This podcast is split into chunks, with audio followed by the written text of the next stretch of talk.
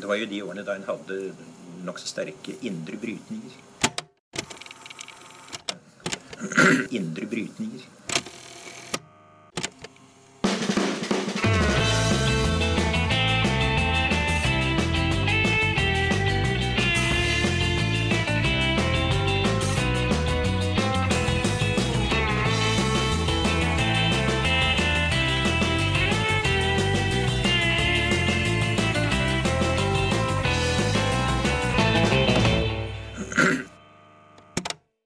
Velkommen til Noen har snakket sammen. Mitt navn er Tiril Rustan Halvorsen. Og jeg heter Aksel Fjellavli. I dag skal vi snakke om eh, enda en bok som har kommet på Respublika forlag, nemlig Kim Arne Hammerstads bok 'Politiske skandaler sex, korrupsjon og maktkamp'. Ja. Velkommen hit, og for en uke. Man skulle jo egentlig ikke tro at denne boken var skrevet om norsk politikk, men det er den altså. ja, det er rart med det. Altså, norsk politikk eh, kan ha litt eh, amerikanske tilsnitt, de òg. Hele 41 skandaler etter din definisjon, da, som vi skal komme tilbake til litt senere, siden 1971. Mm, det stemmer. Eh, og uh, vi kan jo ikke snakke om norsk politikk denne uka uten å snakke om Frp sin exit fra regjeringen Solberg. Ja, for det er jo ikke bare denne boka som inneholder mye drama. Det har jo også denne uka i norsk politikk eh, gjort. Mm. Frp forlater regjeringen Solberg, og det begynner å komme litt sånn analyser av hva dette betyr og har betydd, og hvorfor det skjer eh, og sånn. Eh, men eh, det er ikke en skandale etter, etter din bok. Nei, faktisk faktisk er det helt motsatte. Ja. jeg definerer en skandale eh, som et brudd på moral eller normer. Eh, og hvis vi så på det intervjuet som Erna Solberg ga med TV 2 i forrige uke, så sa hun at de hadde, altså regjeringen hadde en moralsk forpliktelse til å hente hjem denne, dette syke barnet. Så på den måten kan du si at dette er faktisk det helt motsatte av en skandale. Og det at da skandalepartiet Frp går ut av regjeringen på det motsatte av skandale, det tror jeg ikke Det hadde ikke jeg eh, spådd. Eh. Nei, de har jo hatt eh, en del skandaler å ta av for å gå ut av regjering på, men nå ender de altså opp med å gå ut på en ikke-skandale. Hva, hva, hva kan vi forvente av regjeringen, og egentlig kanskje Frp nå? Kanskje det blir enda mer skandaler når de har liksom fri rolle utenfor regjering? Altså Det de har sagt, i hvert fall er jo at de skal markere seg på primærpolitikk. Eh, og det én ting vi vet det betyr, er jo at de er interessert i å snakke om innvandring.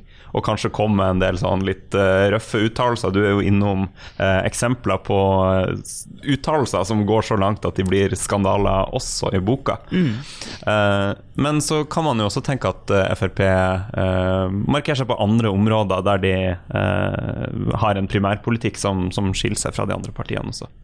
Ja, for det er jo kanskje ikke bare fra de andre norske partiene, men også fra andre høyrepopulistiske partier, så er jo Frp et veldig sånn liberalistisk parti, i hvert fall når det kommer til skatte- og arbeidslivspolitikk. Så en kjapp kikk i, i partiprogrammet deres, da, for, for å liksom Ja. forut, prøve å forutsi litt hva som uh, kommer, så har de jo uh, punkter om uh, at de skal myke opp midlertidige ansettelser, f.eks. i arbeidsmiljøloven, likestille uorganiserte og organiserte arbeidstakere. Eh, mer fleksible arbeidstidsavtaler når det kommer til arbeidsliv. Og på, på skattesiden så er det jo helt åpenbart enda lenger til høyre enn Høyre. De vil ha flatere skatter, de vil kutte masse skatter, mye lavere skattenivå enn i dag. Eiendomsskatt, formuesskatt eh, osv. Og, og eh, av andre ting som kan skape problemer. Kanskje de vil liberalisere hele jordbruksavtalesystemet, opphove Vinmonopolet. Det er jo interessante saker, det kanskje. Ja. Kanskje kan bli noe, kanskje må lage en eh, volum to om eh, Ja. et år eller to. Altså, eh, det som blir spennende, er jo også å se om Siv Jensen kommer til å stille Altså om hun kommer til å ta gjenvalg som partileder, da. For det ser vi ofte at uh, i partier hvor det lederspørsmålet er litt sånn up for grabs, da. Der er det gjerne Det er ofte grobunn for skandaler der. Ja, ikke sant? For, fordi det er sånn at uh, i en skandale så er det typisk Må det ligge en konflikt under, eller kan skandaler dukke opp liksom uten at det er en konflikt? Det kommer an på hva som altså det, Skandalene kan absolutt komme fra en konflikt. Eh, og det er jo gjerne de skandalene da som har uh, grobunn i, uh, i maktkamper. Men så er jo det også Du skal, skal ikke ta så veldig lett på det heller. At altså noen skandaler er jo bare så, helt urimelige ting som har blitt gjort. Men for du har en definisjon. Kan du ikke bare ta den eh, Ja. kort? Nei, altså noen eh, altså Det må jo være et overtramp, da. Jeg skiller mellom en, eh, et overtramp og en skandale. Eh, overtrampet det er det som blir gjort, og skandalen det Som er er det, det som umoralske som du snakket om i Ja, ja. Og, og skandalen det er all, alt som skjer rundt, da, altså mediedekningen, kritikken og sånn. da. Mm. Og da er det det andre som jeg eh, setter som et krav, det er at noen er nødt til å åpent kritisere overtrampet. Det kan være enten noen i partiet eller eh, andre, altså opposisjonspolitikere. da. Og der har vi hatt eksempler på eh, f.eks. den bryggesaken til Jonas Gahr Støre under valgkampen i 2017. Da var det veldig få som hadde så veldig stort behov for å kritisere han, selv til og med Erna Solberg var ute og sa sånn ah, nei, dette her er ikke en så veldig stor sak. Og da kan du tenke deg at eh, hvis de hadde kritisert det, så kunne dette kanskje blitt en stor sak hvor andre partier hadde blitt kikket i kortene. Og de tenkte kanskje at her har vi kanskje noen lignende saker. Én ting er den kortsiktige gevinsten av at Arbeiderpartiet på en måte sto i en, i en skandale, men hvis da f.eks. Høyre hadde eh, blitt trukket inn i den samme skandalen, så, så hadde på en måte vinningen gått opp i spinningen. Mm. Så det er- er en del eh, potensielle skandaler eh, som, også, som, ikke, som kanskje ikke er skrevet opp i boka di, da, men Ja. som eh, folk kanskje Så hvis de ikke står der, så er det derfor. Hvis noen savner noen. Eh, men men eh, Nav-saken, da, eksempel, Ja. er det en eh, skandale? Ja, det er en skandale, og det er jo det som jeg definerer som en maktskandale. Eh, og så er det litt vanskelig å putte en person på den skandalen, da, for at sånn Anniken Hauglie nå er jo den som har sittet, på en måte sitter på posten nå, da. Eh, og som selvfølgelig får veldig mye kritikk. Mens du kan si selve skandalen er jo en sånn system, det systemet det er noe gale med. Eh, Men så kan jo det være en skandale i skandalen, eh, med hvordan Altså hvis det viser seg at Anniken Hauglie fikk vite om eh, EØS-saken eh, f.eks. i sommer, da, og så har det gått et ganske bra tidsrom hvor hun ikke har gjort noe med den saken, da er det en skandale. Og da er det sånn det, det Hauglie-skandalen i Nav-skandalen, da. Men vil det være da sånn f.eks. at alle på en måte store overskridelser av eh, på en måte finansiering av prosjekter, ikke planlagte kostnader, vil det være skandaler? Ja, altså du har jo stortingsgarasjen. Ja, det er umiddelbart det jeg Eh, ja, tenkte på. Ja, og det er jo en veldig stor skandale. Um, Uh, altså, det er jo en sånn Altså, hvis, hvis uh, 2018, hvis vi kun hadde hatt stortingsgarasjeskandalen i 2018, så hadde det vært et skandaleår. Og så hadde du da metoo, Sylvi Listhaug, Keshvari, Per Sandberg i tillegg. Ja, for du utkårer 2018 til det store skandaleåret. Ja, det er annus horribilis. eh, Men eh, ganske bra år for oss som eh, er glad i skandaler, Ja. Men der tok det jo det fullstendig av, rett og slett. Men, men det er litt sånn eh, når det dukker opp en eller annen sånn skandale, spesielt hvis det er noe som på en måte ikke er direkte relatert til politikk, hvis det er eh, noen som har gjort noe dumt på fritida, eller eh, eh, kjøpt seg en båt de ikke burde kjøpt, eller altså et eller annet sånne ting som på en måte ikke handler om den politiske uh, saksgangen, så har jo i hvert fall jeg tenkt før sånn, ja ok, nå er det bråk igjen, da tar det oppmerksomheten bort fra den ekte politikken, liksom. Eh, men i, i boka så fører du jo et argument for at, at skandaler er politisk relevant også, kan ikke du Ja. Nei, altså det går jo på f.eks. hvordan vi evaluerer tilliten til politikerne våre, da. Og eh, jeg tenker jo at vi bør kanskje holde politikerne for en litt strengere sånn moralsk eh, mal enn en vanlige folk, da, fordi at de forvalter makten på vegne av oss, da. Og det at eh, noe for eksempel, du, Når du kommer med eh, dette eksempelet med en båt, da, men hvis f.eks. den båten har blitt gitt til gave, i gave fra for f.eks. partiet, og du ikke har skattet den gaven, eh, da, det, da, da blir det en sånn Som velger så blir det sikkert veldig lett å tenke at ok, den personen sitter og vedtar at vi skal betale skatter, men så klarer ikke den personen å betale skattene på egen hånd. Eller har ikke moral til å gjøre det, da. Så det er litt det her med at politikere skal ikke nødvendigvis være overmennesker, men de skal ta et særlig ansvar for å være representanter, liksom. Ja, for dette, hvorfor, altså, hvorfor skal vi eh, følge lovene hvis de som vedtar lovene, ikke følger de, da? Det er jo ulike typer skandaler du skriver om også.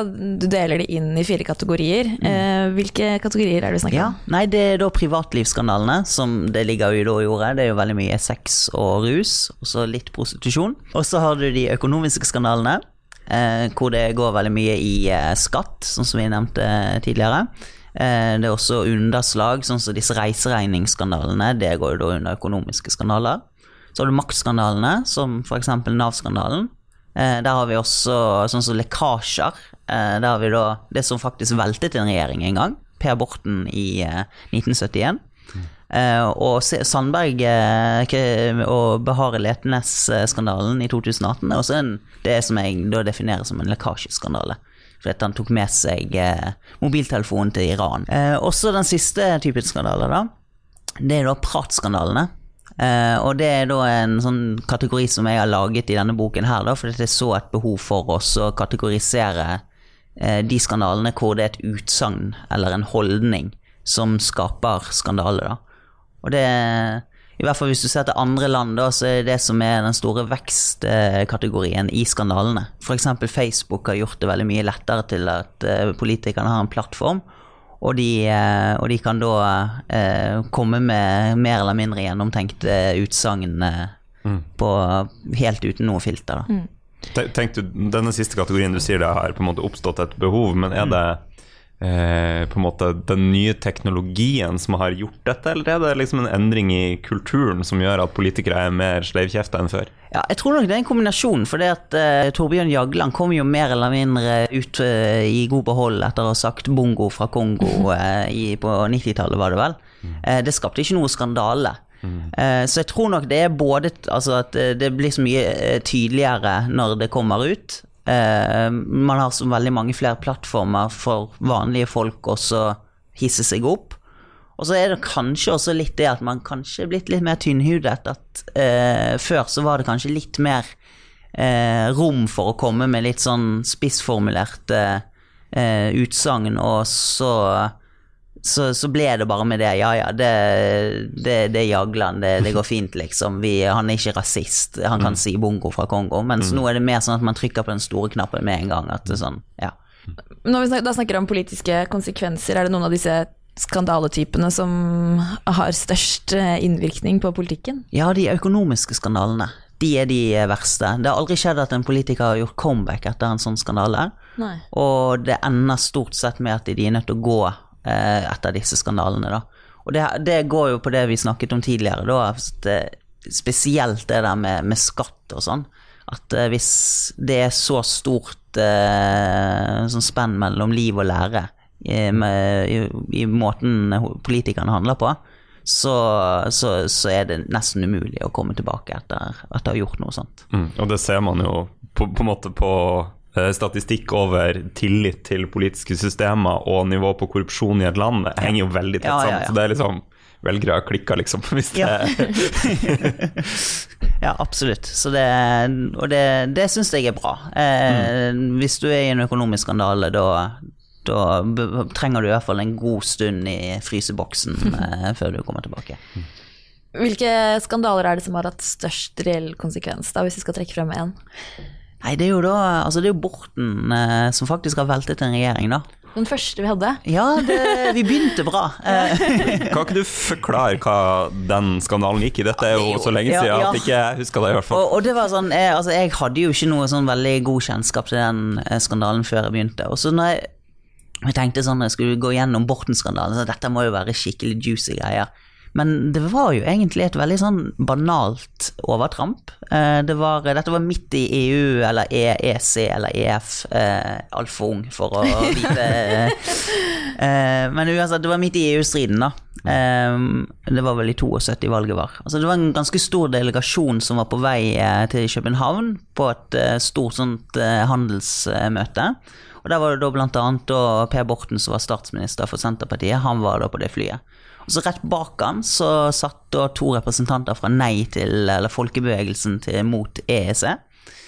Og så skulle han på toalettet mens de var i flyet, Og så eh, hadde han en ambassadørrapport som, hvor det sto at eh, eh, Norge ikke kom til å komme så veldig godt Sannsynligvis så kom ikke Norge til å komme så godt ut av eh, landbruks... Eh, altså, eh, vi ville få en ganske dårlig landbruksavtale med EU hvis vi gikk inn i EU, da.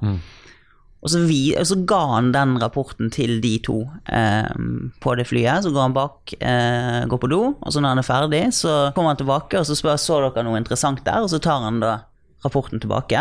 Og, og det kunne egentlig blitt med det, men så kommer det da en stor sak i Dagbladet noen dager etterpå. Og da, da er det allerede noen som vet at han har vist den rapporten til disse to. Og da er det også noen som tror at det er selveste Per Borten som har lekket den rapporten til Dagbladet. Og, da, og i begynnelsen så er han sånn vinglete, han vil ikke svare på det. Så går han veldig sånn tydelig ut at nei, det var ikke jeg som var eh, kilden til lekkasje og sånn, men da har han allerede eh, snakket mer eller mindre usant med led lederen i utenrikskomiteen på Stortinget. Men det som er sånn kontekst her òg, det er at det er en litt eh, kjent i disse dager, det er en firepartisregjering som er også veldig svak. Sannsynligvis så hadde den regjeringen falt i 1971 på et eller annet tidspunkt. De trengte bare en sak de kunne falle på, da. Og når, når, når statsministeren blir trukket inn i en eh, mulig lekkasjesak, da, selv om det viser seg at det var ikke han som var kilden. Kilden sto fram på 90-tallet, 20 år seinere. Og det var da pressesjefen til Per Borten, så det var en litt sånn inside jobb, da. Men uh, sannsynligvis så ville den regjeringen Den var sannsynligvis mer eller mindre død allerede. Ja, parallell, så, som du sier, da, til og- dagens ja, for det, jeg har egentlig tenkt litt på det sånn, altså, at eh, denne IS-kvinnen At det var kanskje bare altså, det, Sannsynligvis så kanskje Det var jo snakk om at kanskje iskanten også kunne felle regjeringen seinere i år, da. Mm og, uh, og det at uh, IS-kvinnen kom nå, så var det kanskje bare Ok, men da har vi en uh, ja, Da har Fremskrittspartiet en kjernesak som de kan gå ut på, da. Mm. Og, og da var det Fremskrittspartiet som fikk ta regien i på en måte at regjeringa brøt sammen, heller enn f.eks. Venstre i en tilfelle iskanten. Mm. Så skriver du en del om, om medienes rolle i det å på en måte skape skandalene, egentlig. Eh, hva slags eh, Det er liksom Politikere er blitt kjendiser, og mediene skal ha klikk. Og, altså, hvordan spiller disse dynamikkene sammen? Nei, altså jeg tror jo at f.eks. eh, det at vi fikk eh, mye mer tabloide medier på, ut på 90-tallet, det er grunnen til at det var på 90-tallet at vi virkelig fikk eh, sånn ekstremt hopp i antall skandaler. Da. Og det handler om både det at eh, mediene da mye mer eh, fokusert på sensasjoner og gjerne sånn mye mer sånn dramaturgisk dekning, hvor hvis man har en sak, så, så, så leder på en måte både dekningen og kommentarjournalistikken rundt og leserinnlegg og alt mulig sånn. Det bare bygger opp til at den personen som står i skandalen, den bør trekke seg. Og, um, og det kan jo også ha vært med på Altså nå, nå er vi eh, i 2020. Så du kan si at vi har snart hatt 30 år med tabloide medier. Og i denne tiden så har jo også dagens politikere, de har jo Altså de unge politikerne har jo vokst opp i eh, kun den virkeligheten, den medievirkeligheten. da. Og det tror jeg også kan ha påvirket litt hvilken type politikere vi får inn. da. Eh, at eh, gjerne de som er veldig sånn eh, kanskje mest opptatt av saker og, um, og ikke så veldig opptatt av spillet da, i politikken. At de gjerne kanskje eh, blir litt skremt av hvordan altså både trykket er, og hvordan, eh, ja, hvordan Ja, hvordan egentlig hele politikken frames i, eh, i media, da. At vi liksom får de politikerne vi fortjener. På en måte, så har det blitt fall- kjedeligere, eller? Ja, ja altså jeg, jeg tror nok at eh, hvis du hadde tatt de politikerne som var aktører under Borten-skandalen, som vi akkurat har snakket om de, jeg tror på en måte at de hadde druknet veldig i det eh, kjøret som er i dagens medier. da. For dette var en helt annen type politikere. Eh, Jeg jeg har tenkt på eh, en del akkurat det der, liksom hvordan en del av de som vi tenker på som liksom politikerkjempene fra back in the days, eh, som kanskje hadde største retoriske liksom, kvalitet i å være folketalere, Ja. eh, hadde liksom falt helt igjennom på Ja. debatten på NRK. Ja, herregud. Blitt avbrutt før de hadde kommet til eh, poenget. Eh, og, og det er jo sånn, altså Einar Gerhardsen, hvis det oppsto en krise i regjeringen, så kunne han dra til hytten sin i Østerdalen, så kunne han sitte og tenke i tre dager. Så kunne han dra ned igjen til Oslo, og så kunne han si noe velformulert. Og så kom de da i avisen dagen etterpå. Eh, men du har ikke det, det mulighetsrommet, så tempoet er altfor høyt i, i politikken nå til at man kan gjøre sånne ting. da. Så mediene har egentlig en rolle her i å skape flere skandaler, eller? Jeg mener det. Ja. Eh, det er de som er uenige med meg, og jeg mener at jeg gir mediene altfor mye makt. da. Men eh, jeg mener at altså, det er mediene som rett og slett altså, De sitter med nøkkelrollen i å omtale en skandale eller ikke. da. Og Da har du f.eks. sånn Trine Skei Grande-saken. Også fra 2018. Eh, hvor det er Resett da som har eh, som, eh, som er ute og så omtaler denne Åker-episoden i Ola Borten Moe sitt eh, bryllup. Eh, og, og, og dette er jo noe som mediene har vært helt klar over i lang tid. Men de har valgt å ikke skrive om det fordi at de mener at dette er ikke relevant. Men så, eh, så er det da Resett som omtaler det, og, da, og det var også den mest delte saken eh, i sosiale medier den måneden.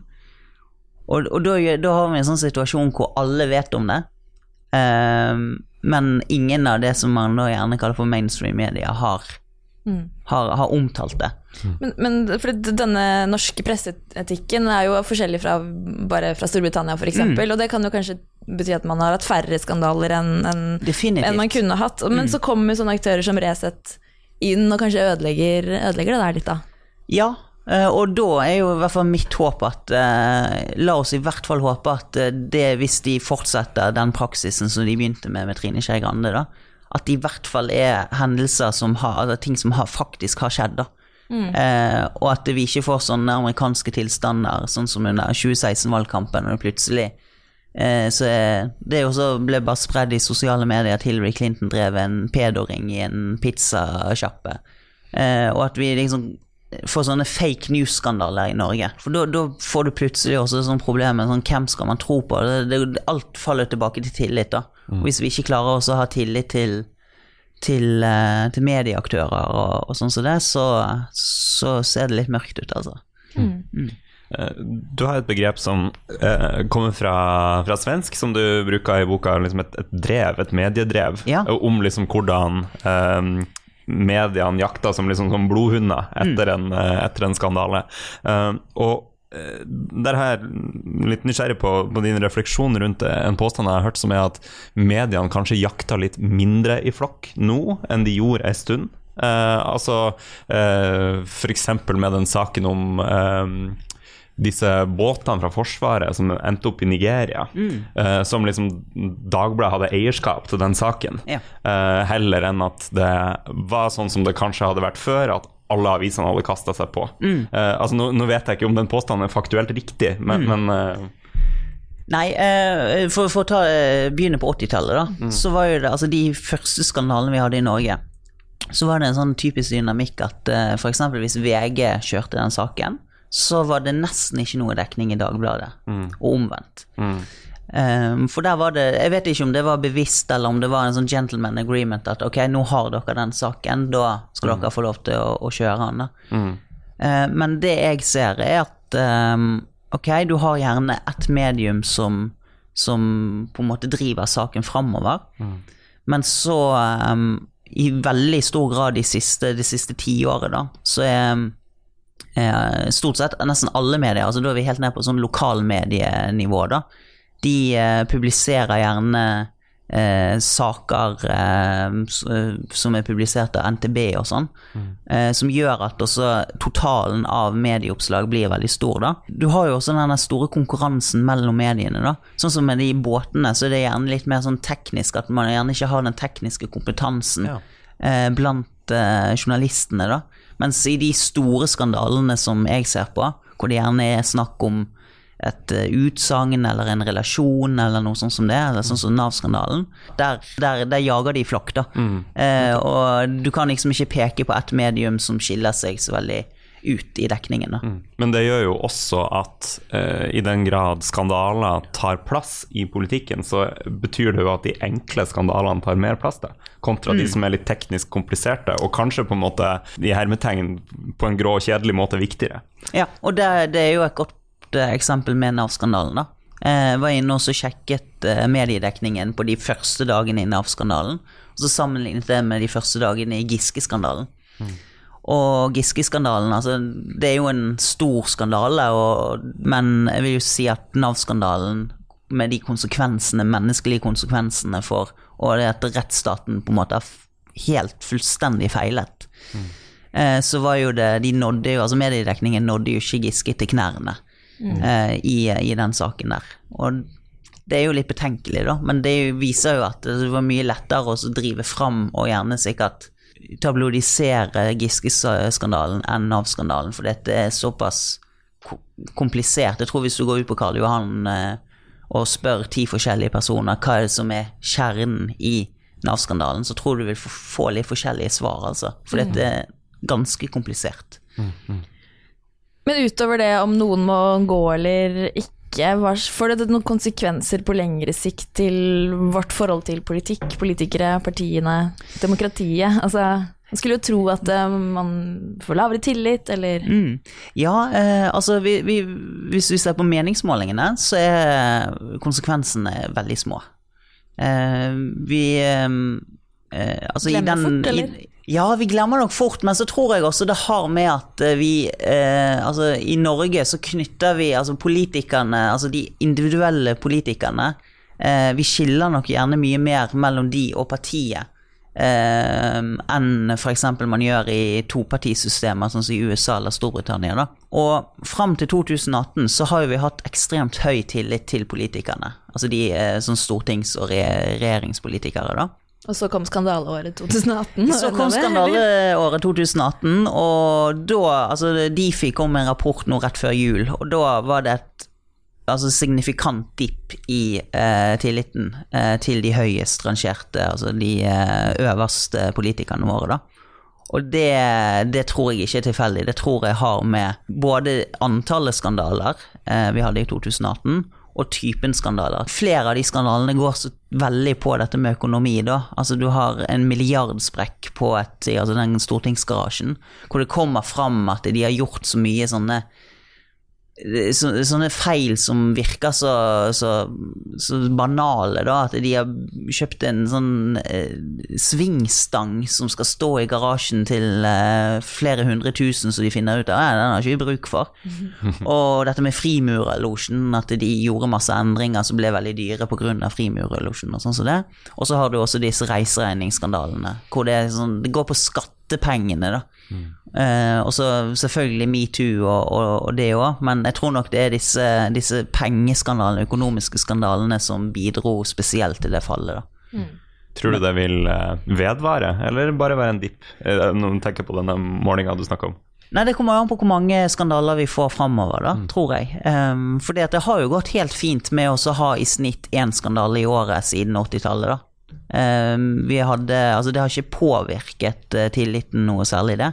Og jeg tror heller ikke at uh, målet skal være å ha en helt skandalefri politikk heller.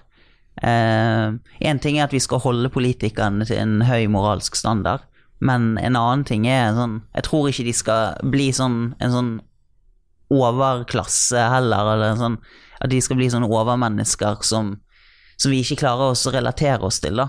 Jeg tror at uh, sånn som så, um, f.eks. Hoksrud-skandalen, da. Hvor, hvor det, det, er så tydelig at det er en mann som gjerne har blitt revet litt med, og så angrer han veldig på det. Jeg tror det nesten er sånn at man, man klarer å se at ja, men herregud, dette er jo mennesker, dette òg. Mm. Og det, du skal ikke undervurdere det heller, altså. Mm. Du har et veldig interessant poeng om forskjellen på kvinner og menn mm. eh, i skandaler. Ja. Hva er det? Nei, det er to ting, da. Eh, det ene er at eh, kvinner de bruker gjerne mer offensive strategier når de skal håndtere skandalen. Det går gjerne da på at de benekter det som har blitt gjort, eller at de prøver å rettferdiggjøre det.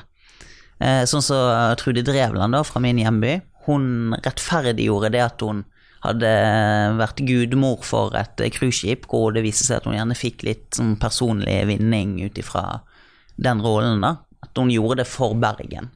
Det var det eneste fokuset. Hun ville gjøre det for Bergen, ikke for seg sjøl.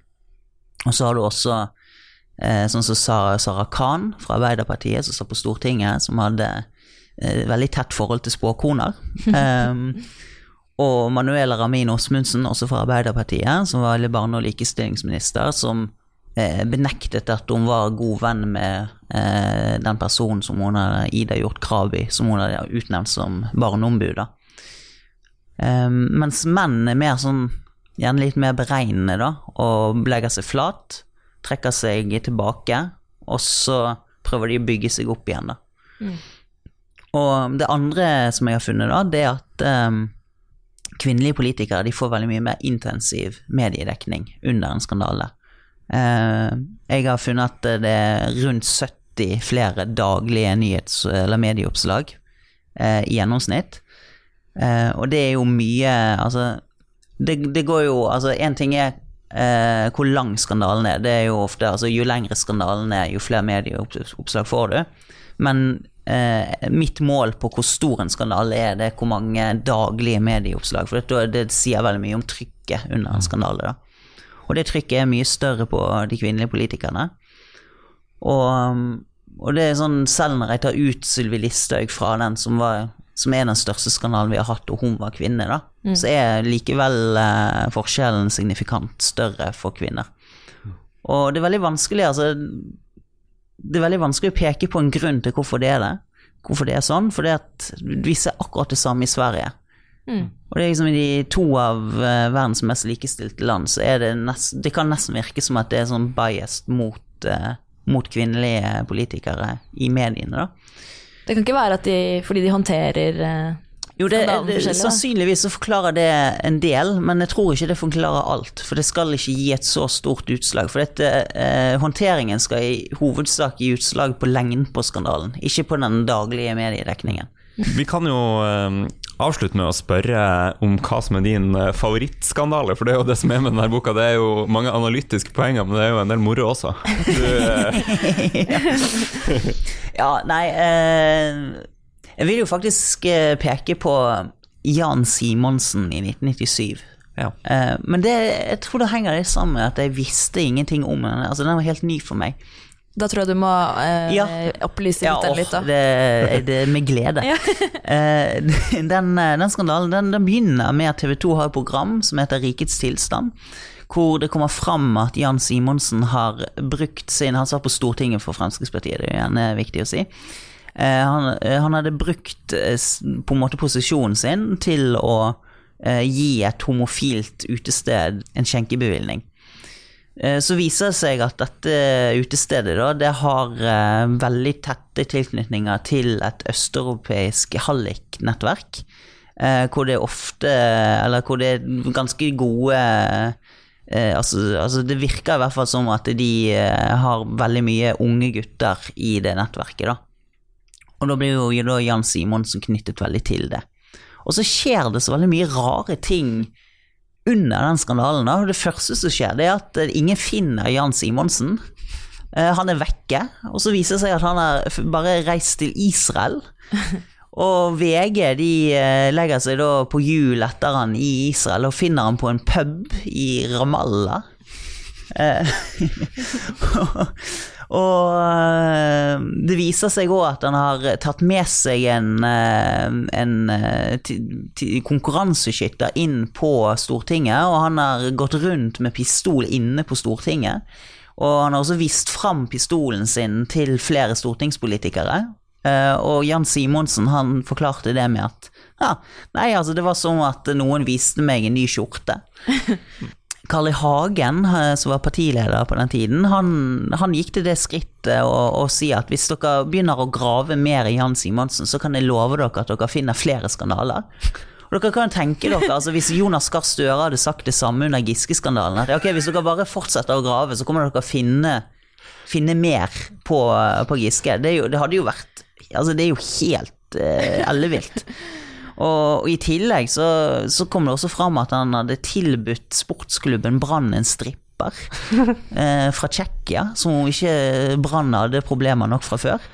Da jeg, da jeg satt og leste om den skandalen, så bare sånn Skjedde dette her? Dette her er, det er jo ikke mer enn en, ja, rett, under, rett over 20 år siden i norsk politikk. Så da Ja, det var i hvert fall en ja, veldig innholdsrik skandale.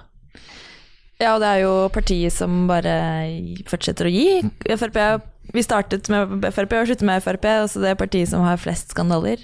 Ja. Og det, det er jo veldig spesielt med tanke på at de har vært så kort i eh, regjering. Eh, fordi at eh, de andre, altså du har Høyre og Arbeiderpartiet, er jo rett under Fremskrittspartiet. Men det har jo, kan jo forklares med at de har vært i regjering. Og når du er i regjering, så er du veldig utsatt for skandaler, for du sitter med den største makten, rett og slett. Mens eh, Fremskrittspartiet de er altså både et ungt parti og et veldig lite maktparti, men de sitter på så mange skandaler. Og det tror jeg henger sammen med at det er et Altså, det er ikke et moralparti, da. Eh, de, de fører ikke den fanen like høyt som f.eks. KrF, da. Um, og det har nok noe med at da tiltrekker de seg gjerne politikere òg som gjerne ikke har det samme forholdet til moral som andre politikere. Og det gjør jo at man har fått Altså, de er jo overrepresentert på privatlivsskandalene. Og um, egentlig Altså, vi ser jo på antallet justisministre at de, de, de hevdet jo seg veldig fort i regjering med maktskandaler òg, da. Mm. Du har et, et, poeng i boka om, om, kvinner, at en av grunnene til at det blir mer oppmerksomhet rundt det, kan være, som en hypotese du har, da, at, at eh, politiske journalister pleier mer sosial omgang med menn. Mm. Eh, og at de derfor eh, går hardere mot kvinner som de ikke kjenner så godt. Mm. kan ikke en hypotese om Frp være noe tilsvarende? Altså Det vil jo en Frp-er kanskje si, i hvert fall. Ja, det er, jo, det er jo gjerne den vanligste kritikken, altså ARK, som Carl I. Hagen pleide å si om NRK. Um, at uh, At Ja, altså det, at man, man, man har en litt, uh, litt mindre Kanskje mindre til felles uh, som Altså mellom journalistene og politikerne. Men jeg håper jo at nei, at journalistene er såpass profesjonelle at det ikke har noe å si. da. Og Hvis du ser på, på medieundersøkelsen som nordiske mediedager pleier å legge fram, så ser du at ok, journalister er gjerne mer eh, venstrevridde enn en, en Norge, Norges befolkning generelt. Men hvis du ser på redaktører, da, og det er jo faktisk de som bestemmer hva, hva man skal skrive om og sånn, da så står jo de egentlig mye mer i sentrum og med en liten slagside mot høyre, da. Mm. Så jeg verken håper eller tror at det er en medvirkende faktor, da. Mm. Det ble mange avsluttende spørsmål her, men uh, rett og slett fordi det er en bok det er verdt å lese. Så tusen takk, Kim Arne, for at du kom hit. Selv.